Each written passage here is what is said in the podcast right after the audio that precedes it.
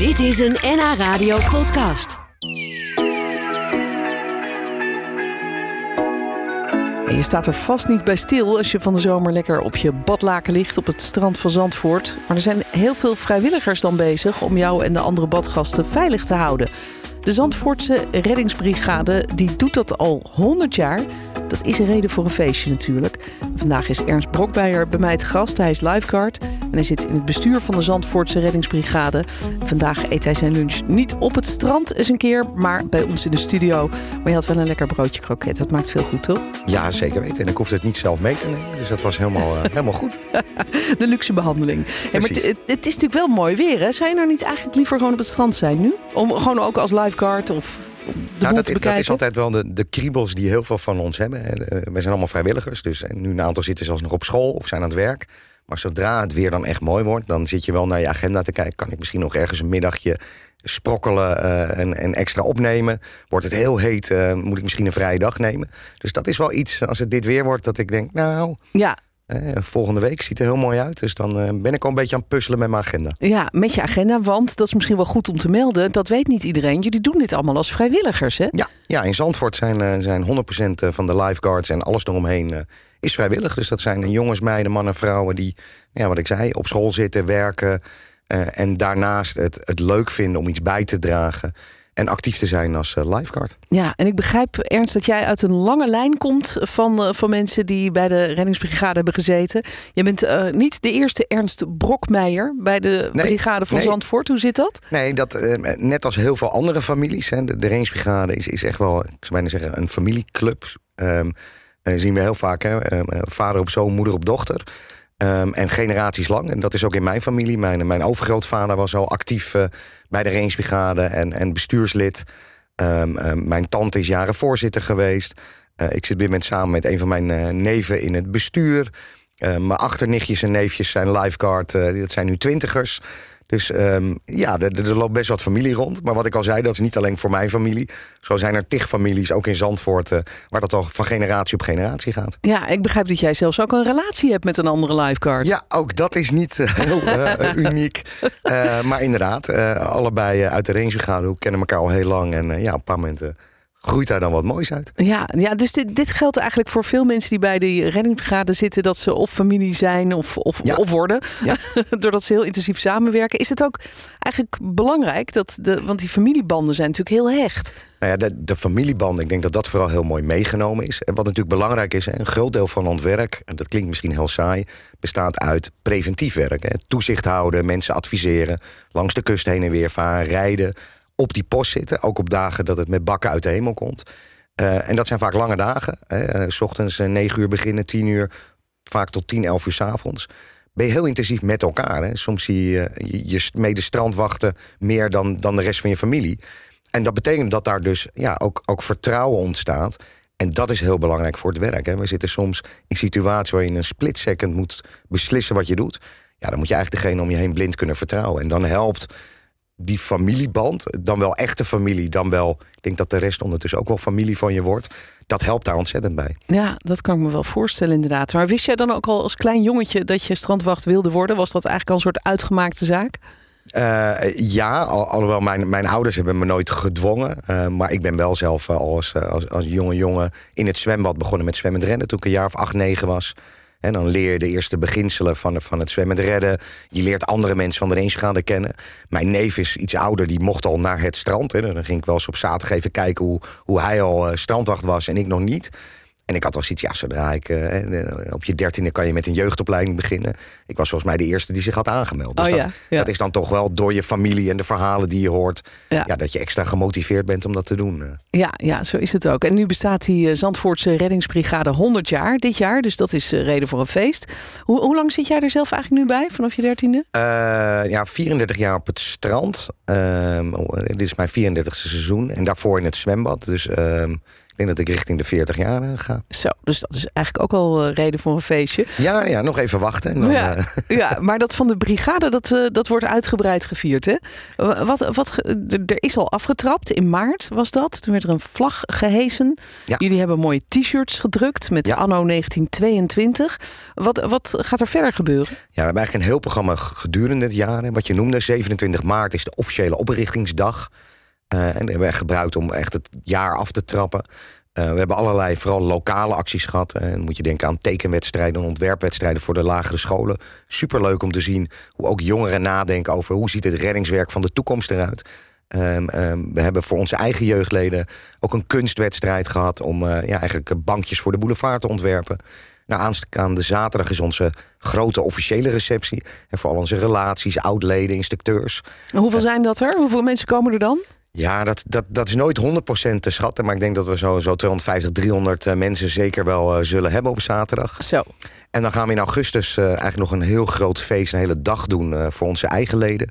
Een heel groot beachfestival waarin we zowel onze jeugdleden uit het zwembad in het zonnetje zetten. En een hele mooie stranddag gaan geven. Voor onze eigen lifeguards, instructeurs en kader. In de avonduren een fantastisch feest neerzetten. we krijgen nog een hele mooie fototentoonstelling op de boulevard. Daar staan het hele jaar door mooie fotoborden. Er wordt de hele maand oktober uh, kun je daar uh, foto's uit het verleden en van het heden van de Rangebrigade zien. Uh, en nog een aantal kleinere activiteiten. Dus ja, bomvol. Ja, je hebt het er maar druk mee. Zeker. je hebt eigenlijk helemaal geen tijd meer om gewoon werk te doen, toch? Als ik het zo hoor. Nou, dat, dat is af en toe wel puzzelen. Zeker hè? deze week ook hè, met de receptie die er aankomt. Maar tot nu toe is die balans nog wel redelijk te vinden. Oh, gelukkig. Nou, we praten zo nog even verder. Je hebt dus wel tijd om, om nog te blijven? Ik heb nog zeker even tijd om ah, Oké, dat is leuk. Want ik wil toch nog even die geschiedenis in van de, de Zandvoortse reddingsbrigade. En ook kijken naar de verschillen tussen vroeger en nu. Ik praat nog even verder met onze lunchgast van vandaag. Dat is Ernst Brokmeijer. Hij is lifeguard en bestuurslid van de Zandvoortse Reddingsbrigade... die dit jaar feest viert, want ze bestaan 100 jaar. Hoe was dat eigenlijk begonnen 100 jaar geleden? Anno 1922, zoals er op jouw t-shirt te lezen staat. Ja, uh, ik zou bijna zeggen uh, rommelig. Dat was een periode net na de Eerste Wereldoorlog. Uh, in Nederland heel veel water, eh, heel weinig mensen die konden zwemmen. Dus de, heel veel mensen denken dat de rangebrigade aan de kust begonnen is. Dat is niet zo. Het waren een aantal grote steden waar mensen in de gracht vielen. En men zei, ja, moeten er wat aan doen, hulpmiddelen neerzetten. En langzaam kroop het ook een beetje naar de kust. Ehm, in onze regio, Noordwijk had een reddingsbrigade... een jaar voordat in Zandvoort de brigade begon. En eigenlijk waren er mensen die in heel Nederland... een soort campagne voerden van je moet iets doen. Nou, in Zandvoort waren ze nog niet zo geïnteresseerd in het begin. En er was wel zo'n schip op de kant wat vastliep. Dat was heel leuk, want dan kon je dan de lading vanaf halen. En de mensen, ja, niet zo belangrijk. Uh, tot het een aantal notabelen. Ja, ja, een aantal notabelen in, in, eh, zeg maar in, in 1920 ongeveer zeiden.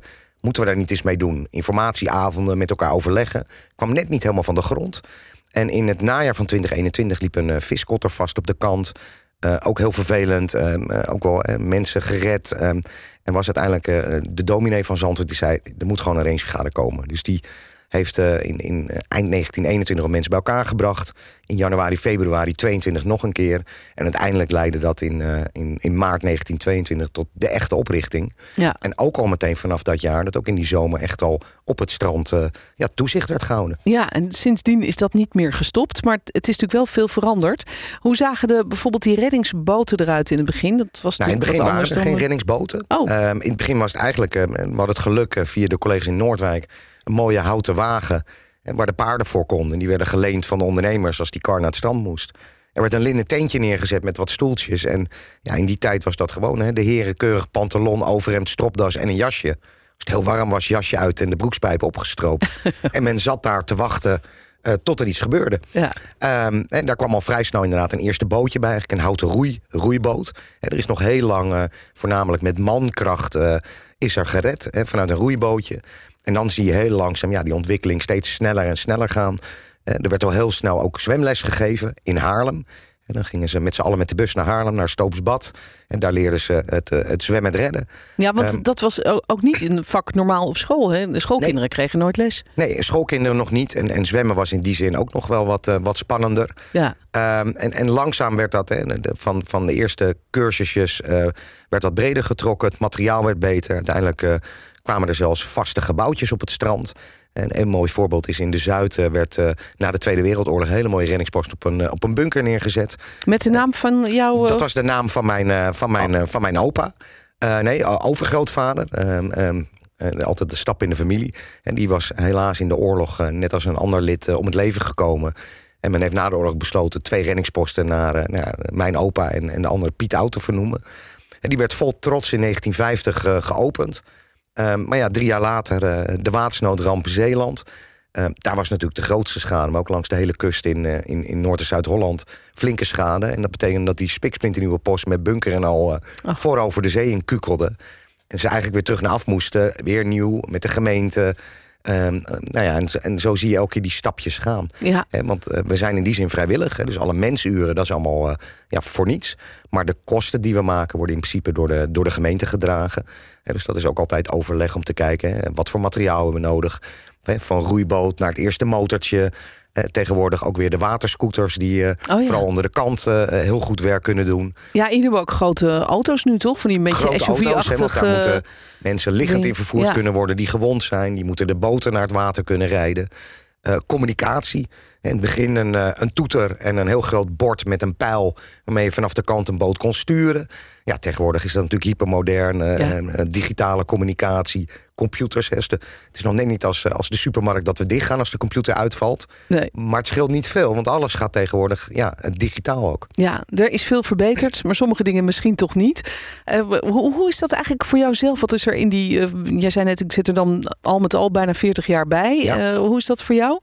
Nou ja, ik denk vooral de professionaliteit is een heel stuk groter geworden. En ik denk dat de buitenwereld verwacht ook meer. Hè. Als je ergens bent en je ziet hè, die jongens en meiden in het geel-rood, een oranje boot, dan ga je er gewoon vanuit. Daar komen professionals die komen mij helpen.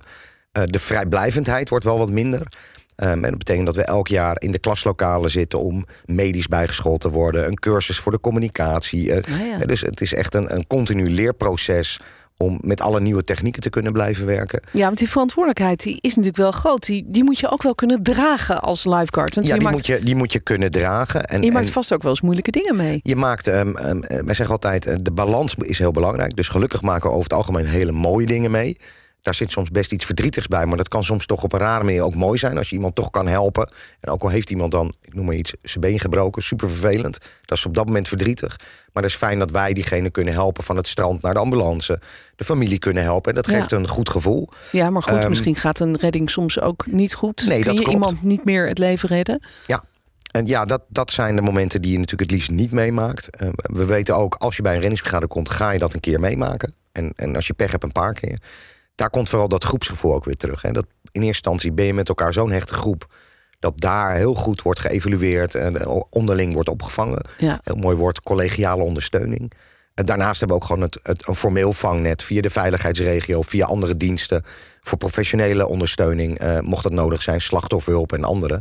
En dat is ook heel belangrijk. Ja, ja, maar dat is niet de hoofdmoot van jullie werk. Want nee. jullie, ik, ik, ik zie het ook wel eens op het strand dat er, dat er kindjes worden teruggevonden door de lifeguards. Dat er pleisters worden geplakt. Uh, dat mensen te horen krijgen: doe maar een hoedje op, want je bent aan het verbranden. Ja, het ja wij, wij zijn eigenlijk voor een deel ook gewoon de gastheren en vrouwen ja. van het Ja. strand. Uh, hebben heel vaak met wat we helemaal noemen klein leed te maken. Inderdaad, hè, wat je al zegt, de kleine incidentjes, een pleister, een, een aai over de bol van een kindje wat zoek is. Uh, ja, dat, dat is ja, denk ik veruit het leukste deel. Hè. Het patrouilleren langs de kust, mensen adviseren. Ja. Um, en ook steeds langer. Hè. Dat ik begon, uh, was het vooral die acht weken in de zomer. En dan ging echt letterlijk op, uh, op nou, 1 september of 15 september... ging echt de, de luiken voor het gebouw en dan was het dicht. Maar nu gaat het Tegenwoordig door. uh, Ja. zijn we een jaar rond. Um, bijna elk weekend is er wel iets op het strand of op zee. Um, het toerisme gaat eigenlijk het hele jaar door. Um, kleine Ja. watersport, suppen, kiten. Jullie Het is, zijn m- harder nodig dan ooit. harder nodig dan eigenlijk. Nou, goed dat jullie er zijn. Leuk dat je er was. Ernst Brokmeijer hoorde je. Hij is lifeguard en eh, hij zit ook in het bestuur van de Zandvoortse reddingsbrigade... die dus dit jaar 100 jaar bestaat. Tot slot nog heel kort een tip voor wie het strand op gaat, die wil zwemmen. Wat moet je vooral niet doen? Nooit alleen de zee, altijd zorgen dat iemand je checkt. Oké, dat is een goede tip. Ook nog even op de Ook nog. valreep. Dankjewel en goed dat je er was. Geen dank. Dag Ernst. Dit was een NH Radio podcast. Voor meer, ga naar nhradio.nl. Radio.